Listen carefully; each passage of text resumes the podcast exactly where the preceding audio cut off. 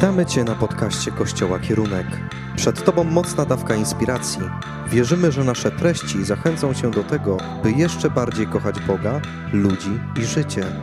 Więcej informacji o naszych działaniach znajdziesz na stronie internetowej kościolkierunek.pl. Kochani, jesteśmy w serii 8 błogosławieństw. E, seria 8 błogosławieństw to jest seria e, wakacyjna nasza i uczymy się, co tak naprawdę te błogosławieństwa znaczyły. Pan Jezus Chrystus, kiedy szły za nim tłumy w którymś miejscu na górze, zatrzymuje się, być może siada, wokół niego siadają uczniowie, a wokół tych uczniów są tłumy. I Jezus Chrystus przemawia do uczniów osiem błogosławieństw. Słowo Boże w Ewangelii Mateusza i w Ewangelii Marka o tym nam mówi. Tak zaczyna się kazanie na górze. Jedna z najdłuższych mów Jezusa Chrystusa. Rozpościela się przez piąty, szósty i siódmy rozdział Ewangelii Mateusza. Trzy rozdziały, słuchajcie, jedna długa mowa. Jezus Chrystus zaczyna ją od ośmiu błogosławieństw. Ale chciałbym, żebyśmy wyobrazili sobie to miejsce, bo my często myślimy, że te błogosławieństwa, one były takie. Pan Jezus przechadzał się i widział kogoś smutnego i mówi, szczęśliwi smutni, bo oni zostaną pocieszeni. Tak? Zobaczył kogoś ubogiego, obdartego w, w jakichś takich starych ubraniach i powiedział, szczęśliwi ubodzy. szczęśliwi, pokorni, bo ktoś na kogoś nakrzyczał i ten ktoś skulił głowę i mówi, no szczęśliwi, pokorni, bo oni odziedziczą ziemię. I, I że Pan Jezus w ten sposób reagował. Ale musimy sobie zdać sprawę, że tak nie było. Że przede wszystkim Jezus te błogosławieństwa i tą mowę przekazuje swoim uczniom, i prawdopodobnie też tym, którzy byli najbliżej. Ale te słowa były skierowane do tych dwunastów. Ewangelia Łukasza, szósty rozdział, e, dziewiętnasty, dwudziesty wiersz mówią tak. Jezus, widząc tłum, zwrócił się do swoich uczniów i wypowiedział błogosławieństwa do nich. A każdy z tłumu starał się go dotknąć, ponieważ wychodziła z niego moc i leczyła wszystkich. On natomiast, on natomiast skierował wzrok na swoich uczniów i zaczął mówić. Szczęśliwi jesteście ubodzy, gdyż wasze jest Królestwo Boże i o tym mówił w zeszłym tygodniu Piotr.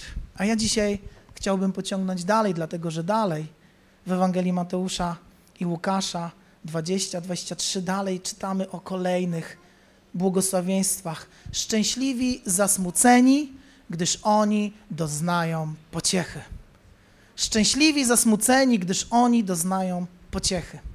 Jezus wiedział, że wiele razy nam nie wyjdzie. I że uczniowie będą wiele razy zasmuceni. Jezus wiedział, że uczniowie będą przechodzić prześladowanie. Jezus wiedział, że uczniowie zostaną zasmuceni nie tylko zachowaniem innych ludzi, ale również swoim własnym zachowaniem.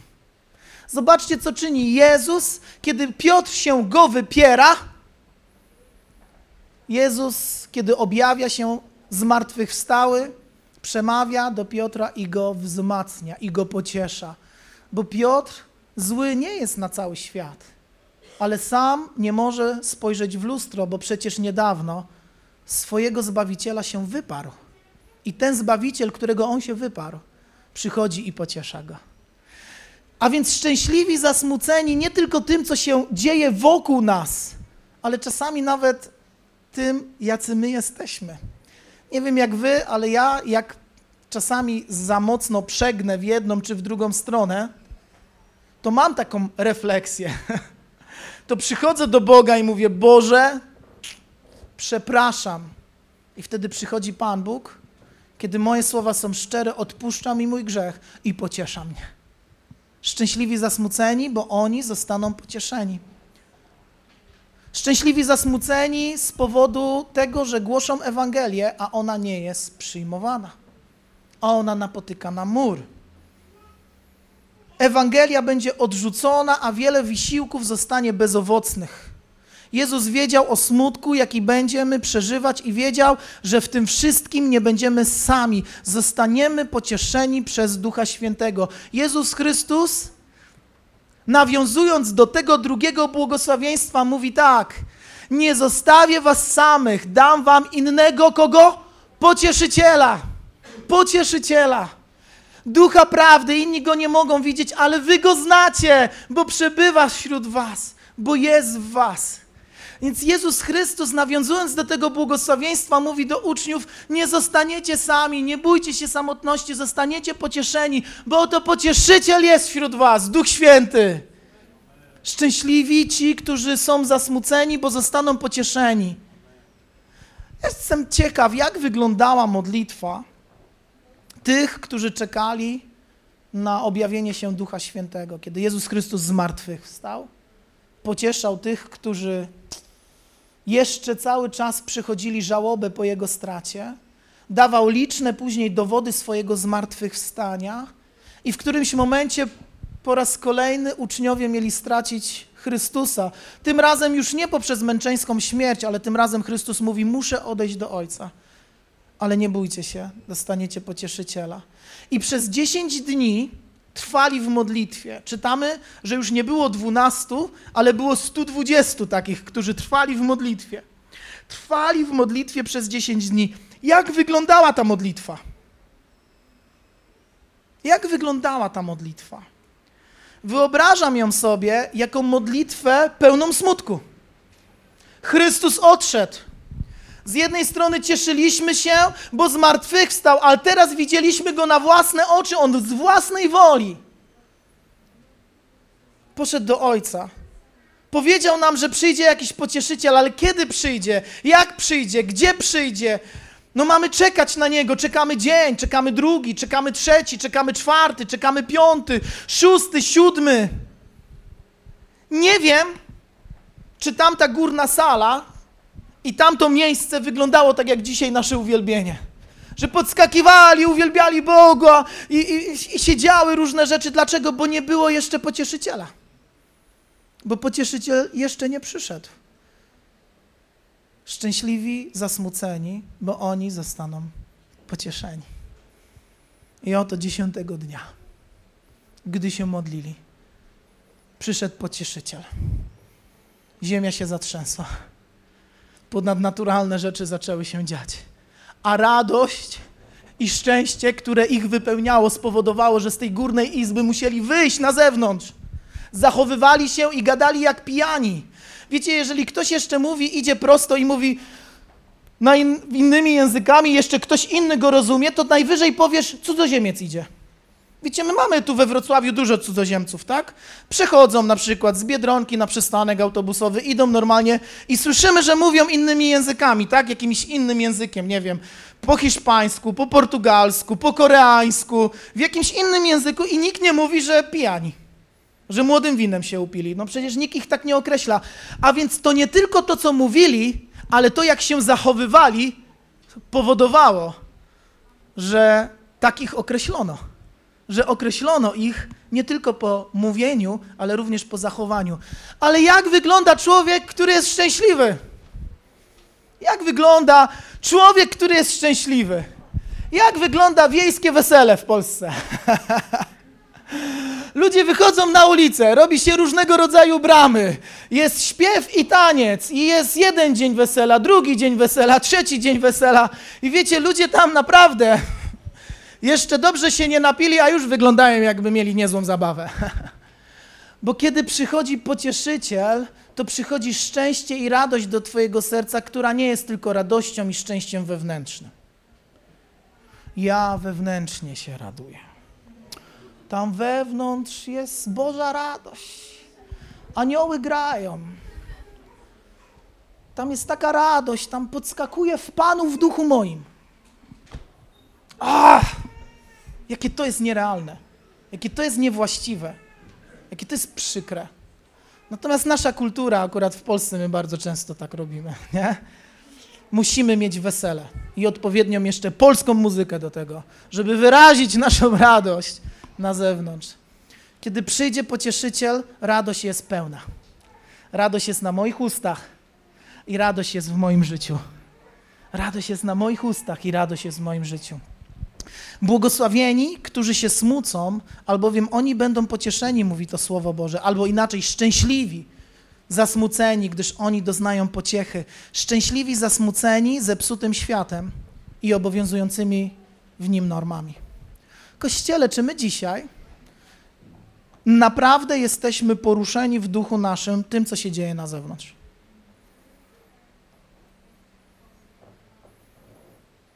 Czy próbujemy jednak pływać i udawać, że nic się nie stało?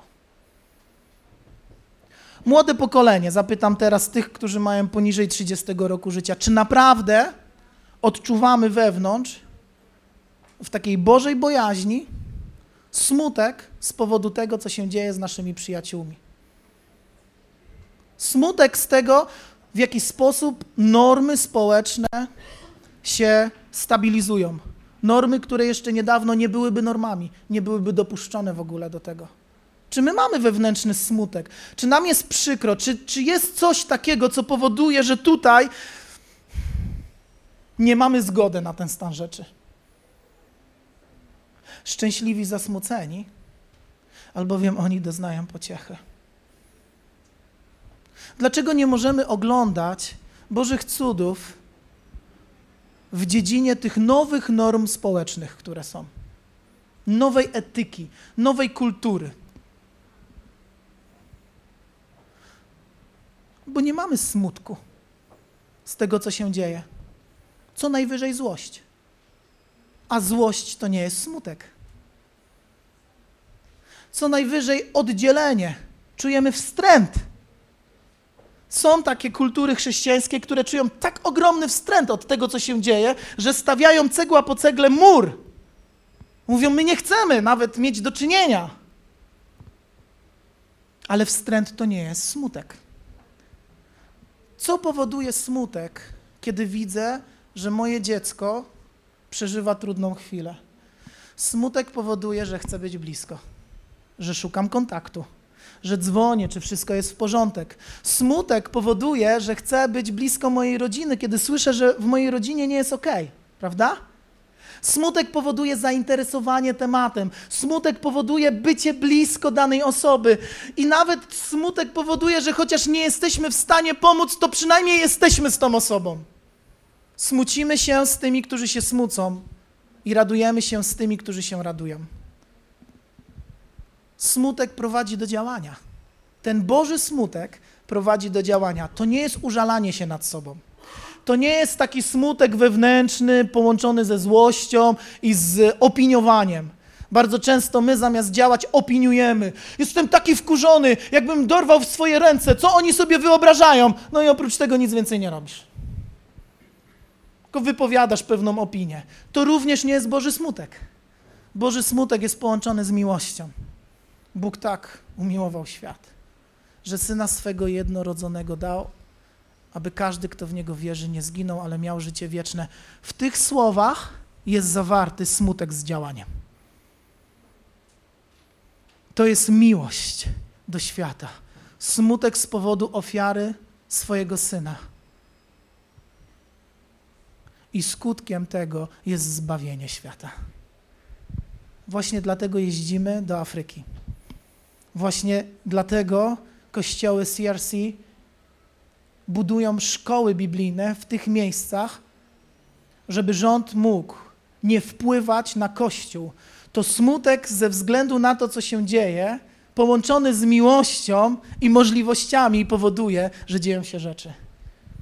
To smutek z powodu tego, co zobaczyłem tam w Grecji, powoduje, że dalej chcę tam jeździć i łożyć, bo, bo wiem, że mogę, bo, bo, bo dam radę, bo radość, która mnie później czeka, przewyższa ten smutek. Pocieszenie jest większe niż smutek. Pocieszenie jest większe niż smutek.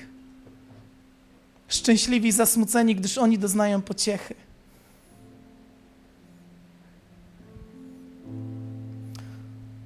List do Jakuba, pierwszy rozdział, drugi do czwartego wiersza brzmią tak. List do Jakuba, pierwszy rozdział, drugi do czwartego wiersza brzmią tak. Drodzy bracia, za najwyższą radość uważajcie te chwile, gdy jesteście poddawani przeróżnym próbom. Wiedzcie, że takie doświadczenie waszej wiary kształtuje wytrwałość. Wytrwałość natomiast niech was prowadzi do dzieła doskonałego, abyście byli doskonali, nienaganni, bez jakichkolwiek braków. Z jednej strony trud i praca, a z drugiej strony nagroda. Drugi list do Koryntian, czwarty rozdział, 16 do 18 wiersza brzmią tak. Dlatego nie poddajemy się. Wprawdzie nasz zewnętrzny człowiek niszczeje, to ten nasz wewnętrzny odnawia się każdego dnia. Chwilowa lekkość naszego ucisku zapewnia nam nieporównywalnie większą wagę wiecznej chwały. Nam, którzy zabiegamy nie o to, co widzialne, lecz o to, co niewidzialne, bo to, co widzialne przemija, a to, co niewidzialne jest wieczne. Halleluja! Halleluja!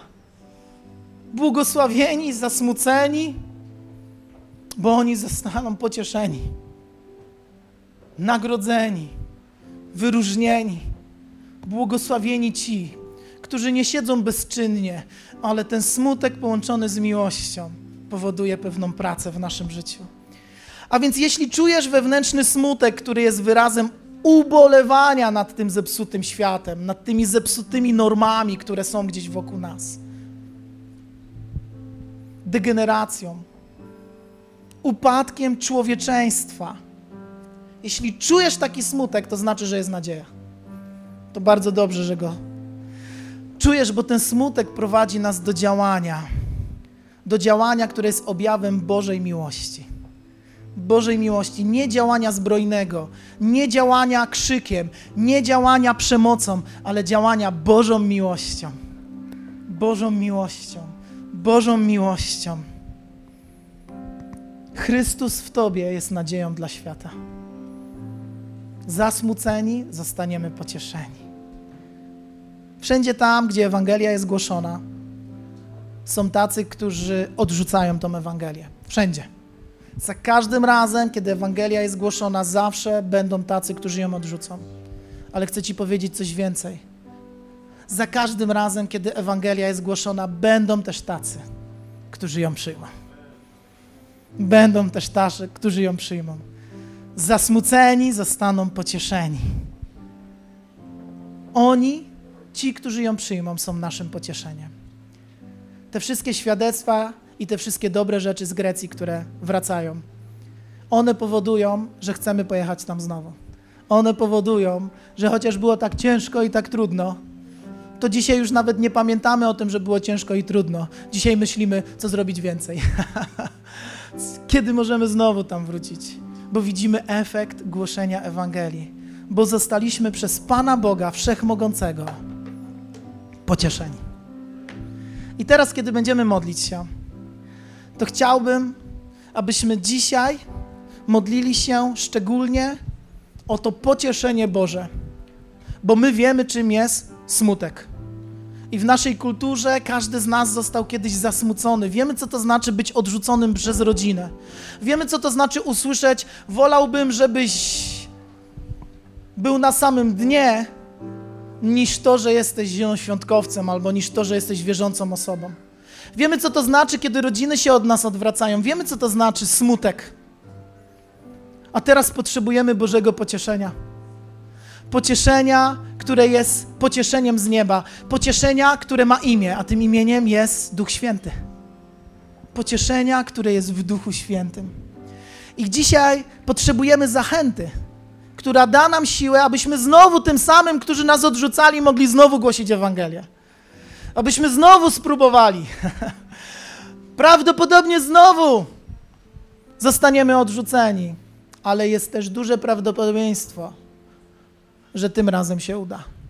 No bo ile razy mogą odrzucać? Dla świętego spokoju już w końcu powiedzą: Dobra, przyjdę. dobra, mów. dobra, będę się modlił. A więc nie poddawajmy się kościele. Teraz, kiedy będziemy modlić się, w naszym kościele zawsze modlimy się o chorych, Zawsze modlimy się o różne potrzeby, więc chcę, że jeżeli potrzebujecie uzdrowienia i uwolnienia, śmiało możemy wychodzić. Ale jeśli potrzebujecie też tego pocieszenia z nieba, dajcie nam znać. Będziemy modlić się, abyście wyszli stąd z tym, który jest najlepszym pocieszeniem, z Duchem Świętym, wrócić do swoich domów. Amen. Bardzo nam miło, że zostałeś z nami do końca.